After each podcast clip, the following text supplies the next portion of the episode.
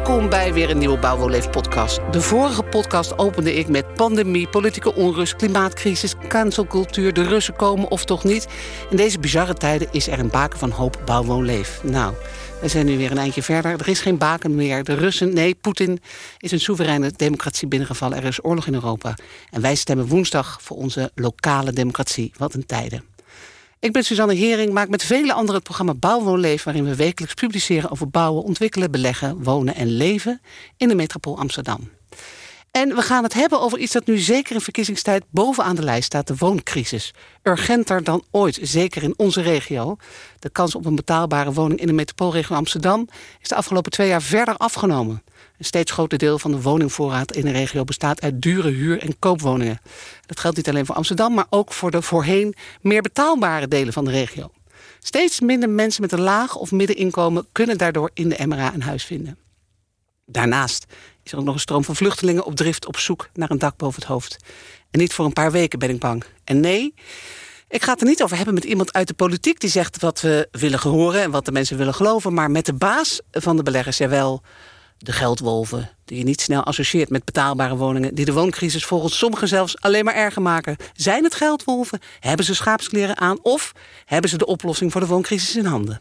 Ik praat erover met Gertjan van der Baan, voorzitter van de Vereniging van Institutionele Beleggers in Vastgoed Nederland, het IVBN. Gertjan. Nou, je zet me er lekker op. Ja, lekker dan, hè? Ja, ik dacht, dat kun je wel hebben. Gertjan van der Baan, welkom. Um, de verkiezingen, de wereld, uh, de aanstaande misschien aanstaande economische malaise. Jullie zijn in totaal goed, heb ik gelezen hoor, ik weet niet of het zwaar is, voor 60 miljard euro onroerend goed, hè? In Nederland en nog eens 60 miljard in het buitenland. Hoeveel daarvan is woningbouw? De woningbouw is ongeveer 180.000 keer gemiddeld 3 ton. Dus laten we zeggen dat dat 50 miljard is. Zo. Ja. Dat is dus echt het leeuwendeel, of niet? Dat is een serieus deel, ja. Ja, dat is een serieus deel. En, ja. en um, schetste net de wereld. je was er stil van. Maar hoe maak jij je zorgen? Nou ja, absoluut natuurlijk. Ja, uh, we hadden net de pandemie gehad, althans, dat hoop ik dan maar. Uh, en dan, dan gebeurt dit. Dat is natuurlijk afschuwelijk. Ja. En uh, ja, dus ik maak me wel zorgen. En in jouw wereld, even terug, hè, persoonlijk, maar in jouw wereld van beleggers, hoe is de stemming onder? Want leg even uit, wie zijn de mensen van het IVBN? Wat zijn dat voor beleggers? Ja, kijk, als je in Amsterdam of in andere steden uh, zegt dat je een belegger bent... dan uh, word je al meteen, zeker in de politiek, toch wel een beetje aangekeken als het, het, grote geld... Die, ja, die eigenlijk de woning verpesten voor de gewone man die daardoor geen huis kan vinden. Of gewone vrouw. en ik kan me dat imago soms ook wel voorstellen. Als je hoort dat grote partijen inderdaad lege huizen opkopen... en ze of leeg laten staan of verhuren. Of dat uit bepaalde adellijke families... mensen wel heel erg veel huizen voor hun eigen pensioen hebben gekocht... dan snap ik dat wel. Maar uh, de IVBN-leden, dat zijn eigenlijk uh, beleggers... die niet hun eigen geld investeren... maar het geld van gepensioneerde Nederlanders voor een groot deel. Het allergrootste deel. En bij elkaar zijn er zo'n 10 miljoen Nederlanders... die via hun pensioenfonds geld in onze leden hebben geïnvesteerd. En dat zijn uh, het ambtenarenpensioenfonds, het ABP, mm -hmm. dat zijn leraren... Uh, en het is het uh, pensioenfonds Rail NOV... met de machinisten en de conducteurs, maar ook zorg en welzijn. Dus de mensen in de, de zorg...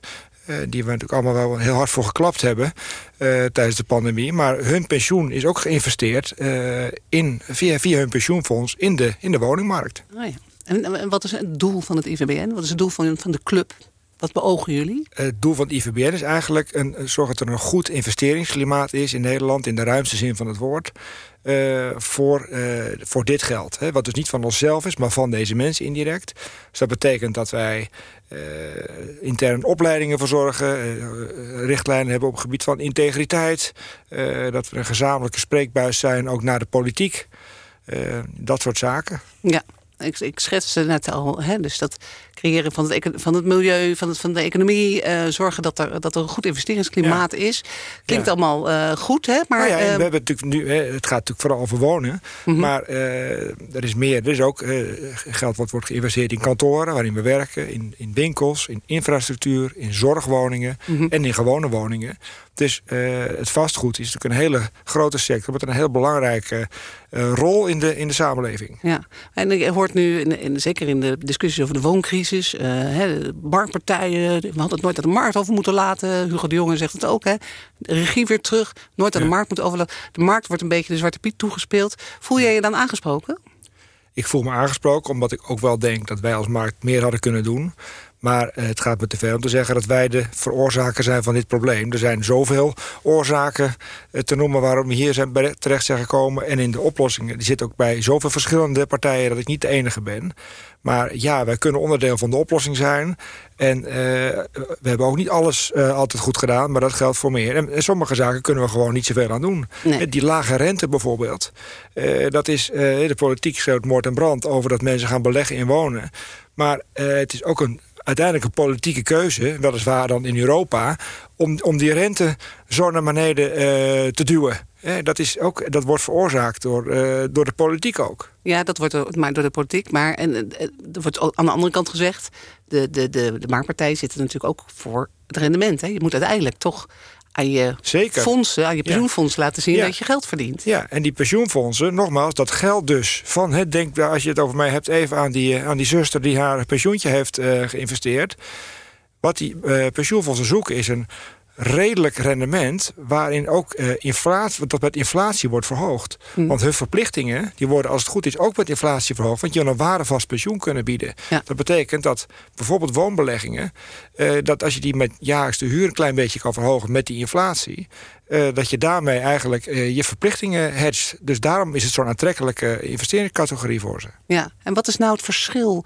Want hè, jullie worden dan inderdaad de Zwarte Piet toegespeeld. Dat zijn vaak andere beleggers. Kun je even heel kort uitleggen wat nou het verschil is... tussen institutionele beleggers en gewone beleggers? Ja, nou, ik, ja ik denk een belangrijk verschil... want het is heel makkelijk om die groep zwart eh, te maken... en het is natuurlijk ook niet, die houden zich in de regel ook gewoon allemaal aan de wet.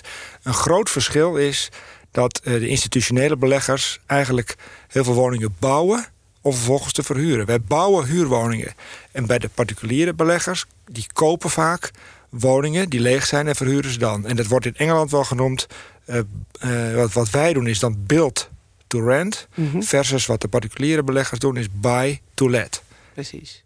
Dus zo, dat is het verschil. Dan blijft het natuurlijk wel zo, dus het geld dat je erin stopt... Hè, als je kijkt naar de, de, de journey, hè, de, de reis van zo'n woning... Hè, hoe gaat dat precies? Hè? Dus de grond die wordt beschikbaar gesteld, dan komt er een ontwikkelaar, belegger zet daar geld die in. Koopt dat. Die koopt dat. Die koopt dat. En uh, vervolgens is de, de, de winst uit huur, of de winst uit de huur, dat gaat weer terug in dat pensioen. En dat wordt uitgekeerd als wij uh, keren elk jaar de huurinkomsten minus de kosten die we moeten maken om dat te innen en, uh, en het onderhoud enzovoort, die keren wij in zijn geheel uit aan de pensioenfondsen. Ja. Dus die ontwikkelaar, die, uh, of je kunt zelf ontwikkelen... maar vaak is het met een ontwikkelaar... die moet uh, de, de, grond betalen aan de gemeente, meestal. Ja. Of van een ander. Maar in ieder geval, die moet daar de marktconforme prijs voor betalen. Vervolgens moeten wij natuurlijk ook een, eh, een, bouwer zoeken die het gaat bouwen. Nou, dat betaal je ook. Je vraagt een aantal offertes aan, maar dan betaal je natuurlijk ook de, de kosten. Dus, dat, dus je koopt die woningen voor de, de marktprijs. Daar, mhm. daar, verandert niks aan, helaas. Nee. En vervolgens heb je elk jaar je onderhoud, je OZB... die is ook gebaseerd op de waarde van de woningen. Uh, erfpacht, uh, nou, daar kan je, een uitzending, kan je een uitzending al zich over, ja. uh, over houden. Uh, en, uh, en de verduurzaming niet te, te, vergeten. Dat is ook niet echt uh, goedkoop. Nee. Dat betalen we. En in ruil daarvoor ontvangen wij dus ook een marktconforme huur bij de start. En die wordt vervolgens jaarlijks met een maximaal percentage uh, geïndexeerd. En dan komt, er komt er weer eentje aan, hè, geloof ik, een, een huurverhoging per 1 juli? Dat is elk jaar 1 juli. Hè? Vroeger vonden we dat een soort van een feestdag. Tegenwoordig denk je van nou, worden de ruiten niet ingegooid als het 1 juli is. Ja. Het is een uh, spannende dag. Spannende dag. Maar uh, hij is dit jaar wat minder spannend dan anders. Omdat we eigenlijk nu de, de huur wettelijk gemaximeerd hebben. Mede overigens op ons eigen verzoek. Mm -hmm. uh, dat is voor sociale huurwoningen 2,3 procent. En voor de vrije sectorhuur maximaal 3,3 procent. Dus, die inflatiecijfers die je nu hoorde van 6,5 of 7... Ja. dat speelt dit jaar in ieder geval niet. Dit jaar niet, in ieder nee. geval. Nee, precies. Maar, en, en hoe bepalen jullie de hoogte van de, van de huur? Checken jullie dat bij het Nibud of hoe doen jullie dat? De huur wordt bepaald door, door wat marktconform is. Mm -hmm. Maar dat is bij de start. Daarna uh, is die huur kan maximaal omhoog met, een, met dit percentage. Ja. En die wordt niet aangepast. In andere landen, bijvoorbeeld in Londen... daar heb je om de twee jaar moet je opnieuw met je huurbaas zitten. Mm -hmm. uh, dat zou je kunnen zeggen als een klein voordeeltje heeft dat... dat altijd de huur die je betaalt is altijd marktconform. Ja. Het nadeel is dat je echt ontzettend onzekerheid hebt... over of je volgend jaar de huur wel kunt betalen. En in Nederland, de mensen die huren Mhm. hebben zijn beschermd, gelukkig maar, door een relatief bescheiden stijging. De keerzijde hier is dat als die woning leeg komt en je knapt hem op of je verduurzaamt hem, dat je daarna de, uh, de marktconforme huur vraagt. En een volgend, voor een volgende huurder kan die dus wel hoger zijn. Ja. Maar dat is de keerzijde van dat je de bescherming hebt voor de, voor de zittende huurder. Precies. En wat dat betreft, wat is nou met de corporaties hebben dat ook? Hè? Die kunnen natuurlijk een, een huur, een behoorlijke verhoging van de huur geven op het moment dat ze zo'n zo'n woning opknappen. Wat is nou het verschil tussen jullie en de corporaties in die zin? Nou, corporaties, uh, even om de, de verhouding weer te geven. Ja. Uh, corporaties hebben ruim 2 miljoen woningen in Nederland. Mm -hmm. en eh, onze, eh, de, de, de, vrije sector huur is, eh, is bij elkaar nog geen miljoen. En dan heb je ook nog een koopwoning is volgens mij 4,5 miljoen. Zo mhm. is het ongeveer verdeeld. Ja. Uh, corporaties zijn natuurlijk stichting met een doelstelling om sociale huurwoningen beschikbaar te stellen. Dus die krijgen in ruil daarvoor ook garanties van de overheid. Die mm lenen goedkoop. Uh, en, uh, en huurders krijgen huursubsidie. Mm maar corporaties die verhuren wel exact volgens het puntensysteem. En daar is die huur eigenlijk altijd onder de maximale grens... op dit moment 750 euro. Ja, ja precies. En bij jullie is dat anders. En, en, zij kunnen, jullie kunnen in principe ook, hè, als het nou hè, dat is natuurlijk altijd een beetje het enge beeld. Als het economisch heel slecht zal gaan, dan zouden jullie je bezit weer kunnen afstaan of kunnen verkopen. Dat kan, ja. Je moet je afvragen of dat slim is om dat te doen als het slecht gaat, of omdat je het juist moet doen als het goed gaat. Ja, precies. Maar dat is nog weer wat anders. Ja, dus dat maakt het wel een beetje een wat, wat uh, een, andere, een andere positie. Ja, corporaties mogen ook verkopen. Ja. Dat doen ze ook wel. heel vaak hebben ze verkocht aan individueel, eigenlijk aan de huurders zelf. Mm -hmm. uh, en die kregen daarmee toch wel een behoorlijk. Uh, voordeel in de meeste gevallen. Dat, dat, deden ze wel. En met dat geld bouwen ze ook weer nieuwe. Ik, ik snap wel dat, uh, dat sommige partijen zeggen... corporaties moeten hun bezit niet verkopen. Maar ik heb ook wel eens een coöperatiebestuurder horen zeggen... van ja, als ik één woning verkoop, heb ik daarmee het geld... om er twee uh, te bouwen... Ja. Uh, hoe erg is dat? Ja. En de woning blijft gewoon verwoond. Hij, hij, komt niet leeg te staan. Hij wordt niet verkocht aan het buitenland of zoiets. Hij blijft hier ja. en hij blijft bewoond. Ja. Nog een voordeel tussen beleggers en coöperaties is dat uh, het vooroordeel is dat corporaties die blijven in die wijken. Hè, die zorgen dat die wijken ook er gezellig uitzien en dat het, dat het een beetje cohesie heeft. Bij beleggers is het idee van die die zetten dat geld erin, die halen het geld er weer uit... die betalen hun fondsen en klaar. Hoe ja, zit dat? Wij, wij halen het geld helemaal niet uit. Nee, maar... De, wij hebben de woningen bij Versteden... van andere leden weet ik het niet uit mijn hoofd... maar wij hebben de woningen gemiddeld 30 jaar uh, in bezit. 30 jaar. Ja, en dus, eh, dus als wij het bouwen, uh, iets wat goed is, uh, dat verkopen we helemaal niet. De halve Churchill-laan hebben wij, uh, is, is van ons. Ja. dat zijn woningen uit 1935. En ja, als je kijkt, dat de, ik laatst al een woning, daar was een mevrouw uitgegaan... en daar was de huur toen haar ouders erin gingen wonen... zij is bij haar ouders inkomen wonen, ergens in 1935. Toen was de huur, geloof ik, 300 gulden per jaar. Ja ooit. Nou, door inflatie in al die jaren enzovoort was dat nu geloof ik, eh, 500 of 600 euro per maand geworden. Dat is gewoon eh, wat eh, 70 jaar, 75 jaar inflatie doet. Dus elk jaar een klein percentage, maar was iets van 650 geloof ik, euro per maand geworden.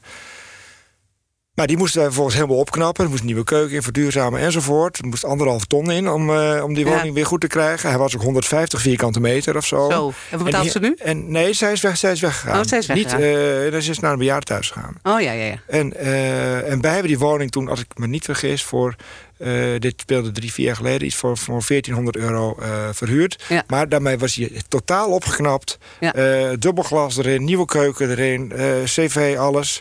Dingen die zij eigenlijk allemaal niet, niet, niet eens meer wilden. Nee, precies. maar heel veel mensen weten niet dat jullie er heel lang zitten... en dat jullie ook voor die buurt belang ja. hebben dat die buurt ook leuk is. Want, jullie doen toch ook dingen voor de buurt... om te zorgen dat het in de buurt gezellig is? Nou, ik moet eerlijk zeggen dat corporaties dat die, uh, dat die daar nog meer voor doen. Ja.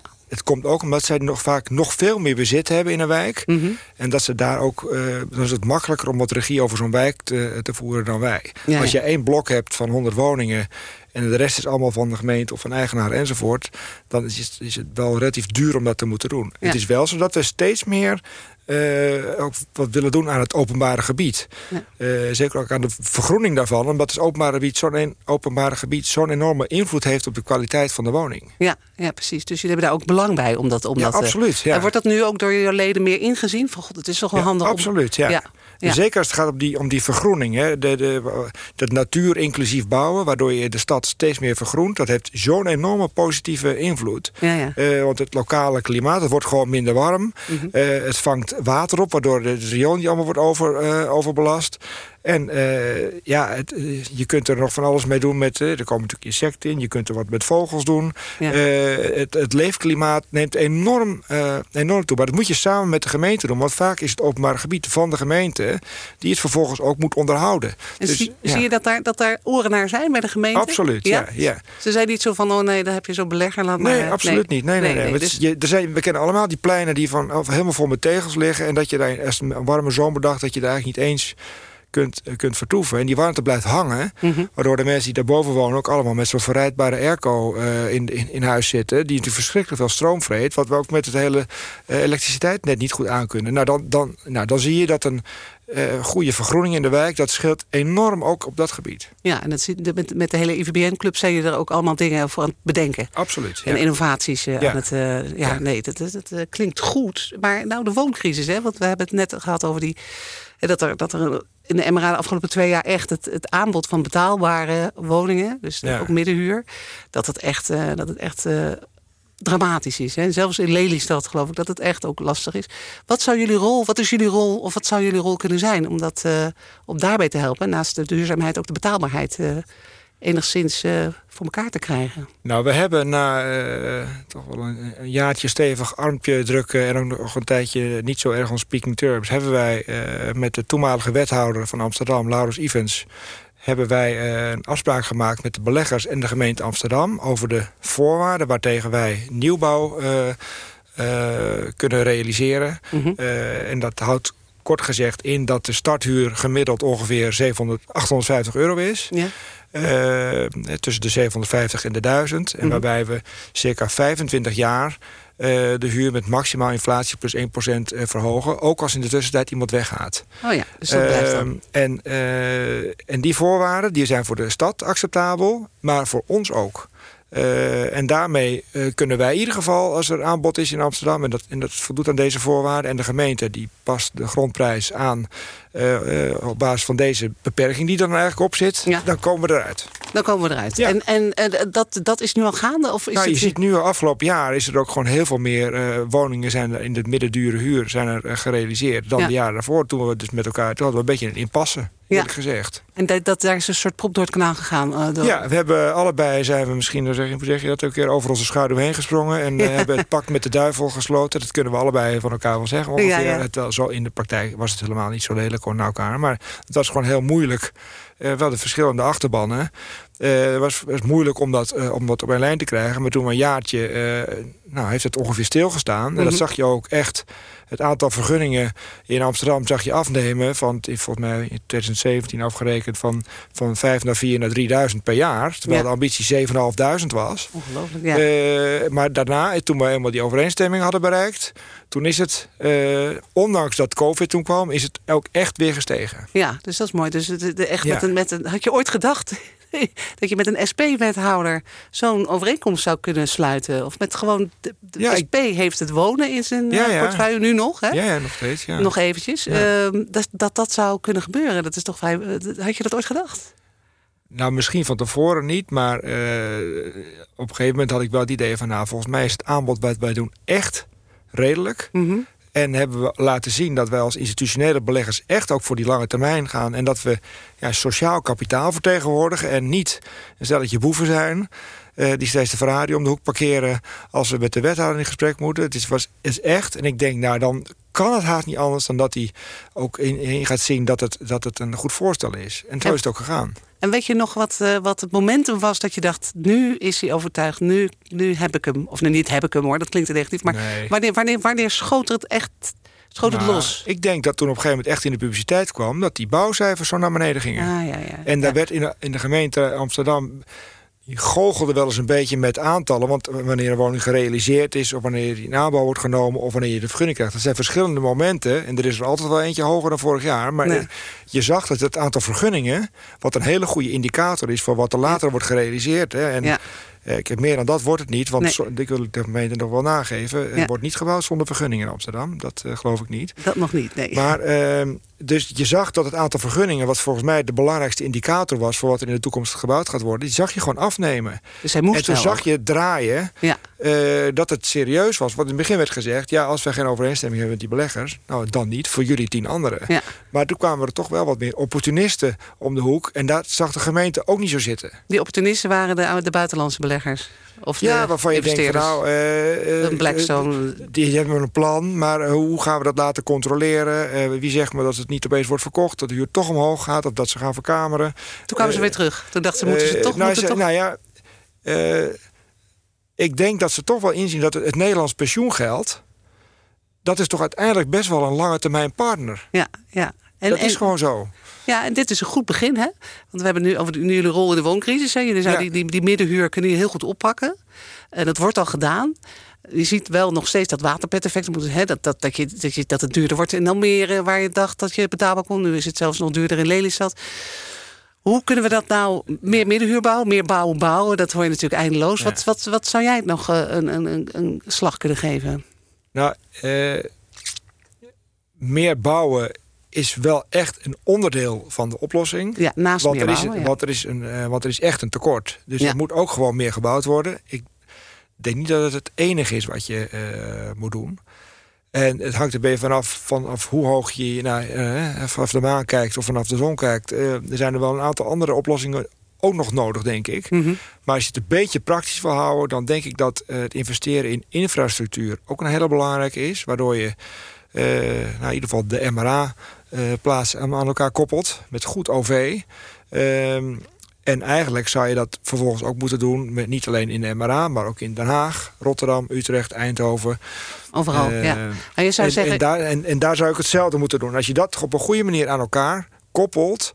dan zijn er heel veel meer plekken uh, beschikbaar om te bouwen... zonder dat je al het groen, wat ook, waar we ook zuinig op moeten zijn... zonder dat je dat uh, nou allemaal kwijtraakt. Ja. En, en ja, ik vind zelf de, de, de reistijd, het aantal banen... dat je binnen een half uur of binnen een uur vanaf je woonadres kunt bereiken... per auto, maar vooral per OV, fiets en e-bike... Mm -hmm.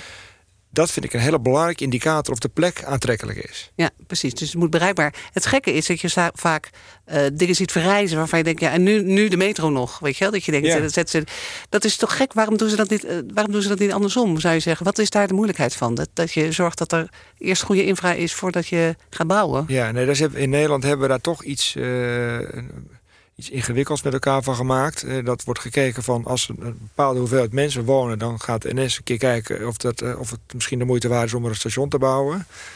Uh, maar het zou eigenlijk andersom moeten. een goed voorbeeld daarvan vind ik zelf in Duitsland, in, in Hamburg. Waar hadden ze het, het Haven City project. Een groot project, oppervlakte vergelijkbaar met Eiburg. Maar dan echt aan de stad.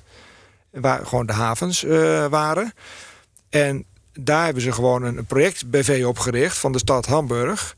En die hebben gezegd, die grond is waar. Dat was volgens mij 20 jaar geleden zo. Dat was 2 miljard euro. Dat was toen een gigantisch bedrag. Maar het heeft de gemeente Hamburg al gezegd. En ook de raad daar. Het hoeft niet meer op te leveren dan dat. Dus het gaat ons niet om de winst op dat project. 2 miljard is 2 miljard. Maar jullie moeten alles beoordelen op de maximale toegevoegde waarde voor de stad... voor de komende 100 jaar. Zo. En wat die hebben gedaan, is dus eerst een metro aangelegd... en vervolgens zijn ze bij de stations begonnen met ontwikkelingen. En ja, en, hier heb je wel eens een discussie. Je legt een metrostation aan en wie daarnaast de grond heeft... die krijgt het voordeel en de stad moet het betalen. Dat is ook niet helemaal lekker. En in Nederland ook zelfs nog de, de, Rijksoverheid die het moet betalen. Maar daar hebben ze uh, dus uh, eerst het aangelegd... en vervolgens zijn ze die grond met bepaalde voorwaarden... voor wat er mocht komen, gaan tenderen. En dat heeft dus... Op die manier hebben zij de investering in die, in die infra... ook voor een belangrijk deel terugverdiend. Ongelooflijk. En dat, ja, dat vind ik echt maar waarom doen ze dat hier niet? van hoe je dat zou moeten doen. Waarom, want als jij, nou, als jij nou morgen voor het zeggen zou hebben... is dat dan iets, hè? stel jij wordt, uh, uh, jij wordt de baas uh, in de metropoolregio... Hè? je mag het Ja. helemaal zeggen. wat is dat het dan het eerste wat je zou doen? Dat omdraaien? Nou, ik denk als je, uh, ook als je de baas zou worden in de metropoolregio... Uh, daar komt mevrouw Halsema misschien het dichtstbij dat die het zou zijn... maar ook die is natuurlijk geen burgemeester van die, uh, van die andere nee. steden. Dus de MRA is in die zin is een samenwerkingsverband... met niet al te veel verplichtingen. Maar stel, je hebt een MRA met, met, met, ja, met slagkracht. Je, ja, nou, dan zou ik bij, bij het Rijk gaan lobbyen... om, om een infrastructuurplan mm -hmm. gewoon rond te breien... Uh, want ik denk dat we daar als, als Nederland ook ontzettend veel, uh, veel voordeel bij, bij hebben. En het is niet alleen maar iets van de stad. Nee. Het is echt iets van de hele, van de hele, van de hele Randstad zou je het uiteindelijk moeten doen. Ja, dus voor de, voor de metropoolregio Amsterdam... kijk allereerst waar waar, uh, waar je die stations neerzet, waar je het vervoer laat ja. komen. En, en zorg dat de, dat de gemeente dan ja. de overwaarde van het grond van de grond uh, pakt. En dan, uh, dan gaan En niet met een soort rare belasting bij de mensen die dan al een stukje grond al hebben... dat die er van de waardestijging uh, zouden profiteren. Nee, je gaat het gewoon zelf doen. Ja. ik denk dat dat uiteindelijk meer oplevert voor de gemeenschap. Maar terecht, want dat is ook degene die de investering doet. Ja. En nu hebben we het over de MRA, maar dit zou je echt in Nederland groter moeten aanpakken. Met misschien over helemaal richting Groningen enzovoort. Ik denk dat dat goed goed OV... met een soort metro-achtig net, maar dan voor Nederland. Dat zal best wat kosten. Uh, maar ik denk dat, dat, dat we dat ook echt heel, veel, heel snel uh, terug gaan verdienen. Uh, kijk maar, die Noord-Zuidlijn, die heeft het een en ander gekost. Maar je hoort nu er eigenlijk niemand meer over. Je nee. kan er bijna niet, niet, meer aan denken dat die er niet zou zijn. Nee. Ik denk dat, dat je dat voor Nederland zou moeten doen. En als we dan kijken op kleinere schaal, Havenstad bijvoorbeeld. Hè? Als ik Hamburg hoor, denk ja. ik Havenstad. Ja, daar heet het Haven City, want het is natuurlijk Duitsland. Ja, dat is Havenstad. Dan zou je dat ook meteen zo moeten doen eigenlijk. Hè? Meteen die, die, die, die metro ja. daar naartoe. Dat is natuurlijk een heikel punt. Maar ja, die had er al moeten liggen dus eigenlijk. Ja, ja, die ringlijn is niet rond hier. Eh, nog. Nee. Je moet nog van isolatorweg moet je nog door naar, naar Centraal. Ja. Met al dan niet uh, via de overkant hoe je dat ook wil rondbreien. Maar ja. die zou gewoon rond moeten zijn. Ja. Dan heb je alvast één mooie cirkel. En dan met vertakkingen naar uh, Zaandam, naar Purmerend, naar Haarlem, Schiphol, Diemen, uh, Amstelveen, Almere. Ja, ik denk dat, daar, dat we daar heel veel voordeel van hebben. En dan heb je ook niet zo dat, dat hele dogmatische van we moeten betaalbaar wonen in Amsterdam, in het centrum van Amsterdam, waar het al zo vol is. Uh, als je. Uh, uh, kijk, ooit was de, de Stadhouderskade enzovoort, dat was wel een soort buitenring. En nu heb je de, de, de A10. Er moet een soort moderne uh, metroring komen met goede vertakkingen, waarmee je gewoon de stad eigenlijk qua reistijd kleiner maakt. Ik weet niet of je wel eens een kaartje hebt gezien van Nederland, waarbij niet de schaal is de meters of de kilometers, maar de, de reistijd. Dan ziet het Nederland is onherkenbaar. Ja, ja, ja, ja, Want de Randstad die wordt dan eigenlijk heel groot. Ja. En de rest wordt eigenlijk heel klein. Ja. Ja, je zou met, met, met goed OV en met uh, snel uh, e-bike paden... Mm Mhm. -hmm. zou je dat gewoon naar elkaar moeten rijgen. Dan wordt het één groot... Een groot, bij in ieder geval wel een soort... Hè, dan zoals, worden we het Singapore van Europa. Ja, ja. ja of wat Eberhard van Laan ooit zei... Uh, uh, met het groene hart als Central Park, zeg, zeg maar. Hè? Zo ja. moet je eigenlijk kijken naar, naar, naar, naar zoiets, inderdaad. En de rol van de, nog als laatste vraag, de rol van, van de belegger daarin. Uh, in, in, wat, wat zou jullie rol daarin kunnen zijn? Is dat gewoon blijven doen wat jullie doen? En uh, wat, wat zou jullie rol daarin kunnen zijn? Nou, mijn, mijn handen jeuken wat dat betreft. Want als je dit uh, zou doen, zowel die infrastructuur... Uh, zou geschikt zijn om, uh, om, om te financieren door institutionele beleggers. Maar mm -hmm. laat ik het dan even beperken in allemaal enthousiasme. Is maar in dit geval op de woningen. Ja. Als we een miljoen woningen in Nederland erbij willen bouwen... en ik neem eens even een niet-politieke prijs van drie ton per stuk... Mm -hmm. sociaal, nou ja, het lukt al bijna niet meer... maar stel dat het drie ton per stuk ja. is... dan heb je het over 300 miljard euro.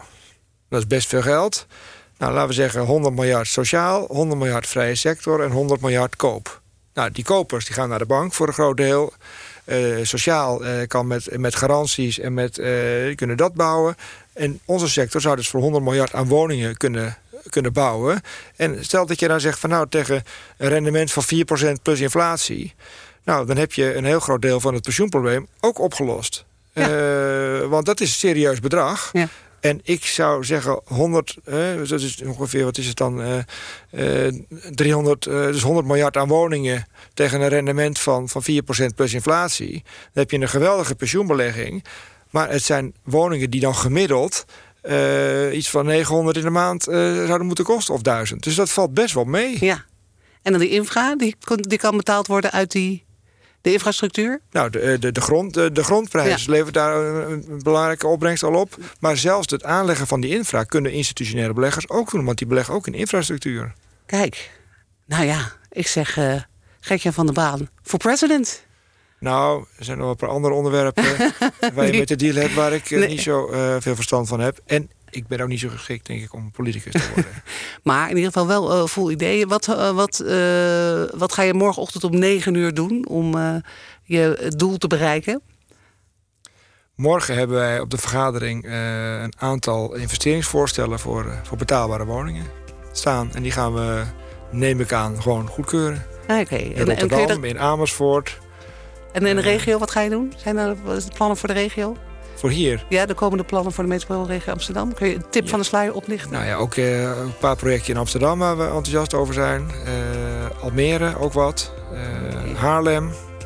Ja. Nou, spannend. Zet ja. hem op. Ja. Morgen om 9 uur. Bedankt voor je komst in de studio. Bedankt ja. voor je ideeën. Dank voor je uitnodiging. Oké, okay, goed. Oké. Okay.